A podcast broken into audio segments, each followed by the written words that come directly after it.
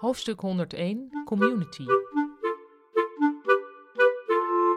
Die nacht droomde Kavia dat ze in een enorme pan goulash aan het roeren was en dat ineens de groot voor de bus stond. De grote baas wilde goulash met bruine bonen, maar dat bestond helemaal niet, goulash met bruine bonen. En zo stond de groot uit te lachen terwijl Kavia ging zoeken of ze niet toevallig een blik bruine bonen bij zich hadden. Dan maken we het customized, Enzo, riep ze in paniek. Goulash is niet customized, zei Enzo. Goulash is community. Zet je dat dan ook even in de nieuwsbrief, Kaaf?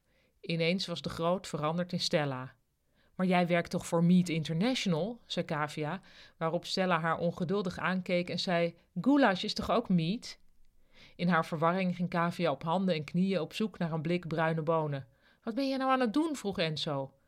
Ik ben aan het bidden voor bruine bonen, antwoordde Kavia. De deur van de goulashbus waaide krakend open en dicht, open en dicht. Net toen Kavia bedacht dat ze met een spuitbus WD-40 iets aan het gekraak moest doen, werd ze wakker. Bruine bonen, zei ze hardop. Wat, zei Enzo? Niks, zei Kavia. Enzo werd wakkerder. Wat zei je nou? Niks, herhaalde Kavia. Zomaar wat. Enzo kwam tegen haar aan liggen en begroef zich in haar vacht. En, vroeg hij, heb je er fijn een nachtje over kunnen slapen? Ga je met me mee? Zullen we de bus gaan bouwen? Nu is het moment, dacht Kavia.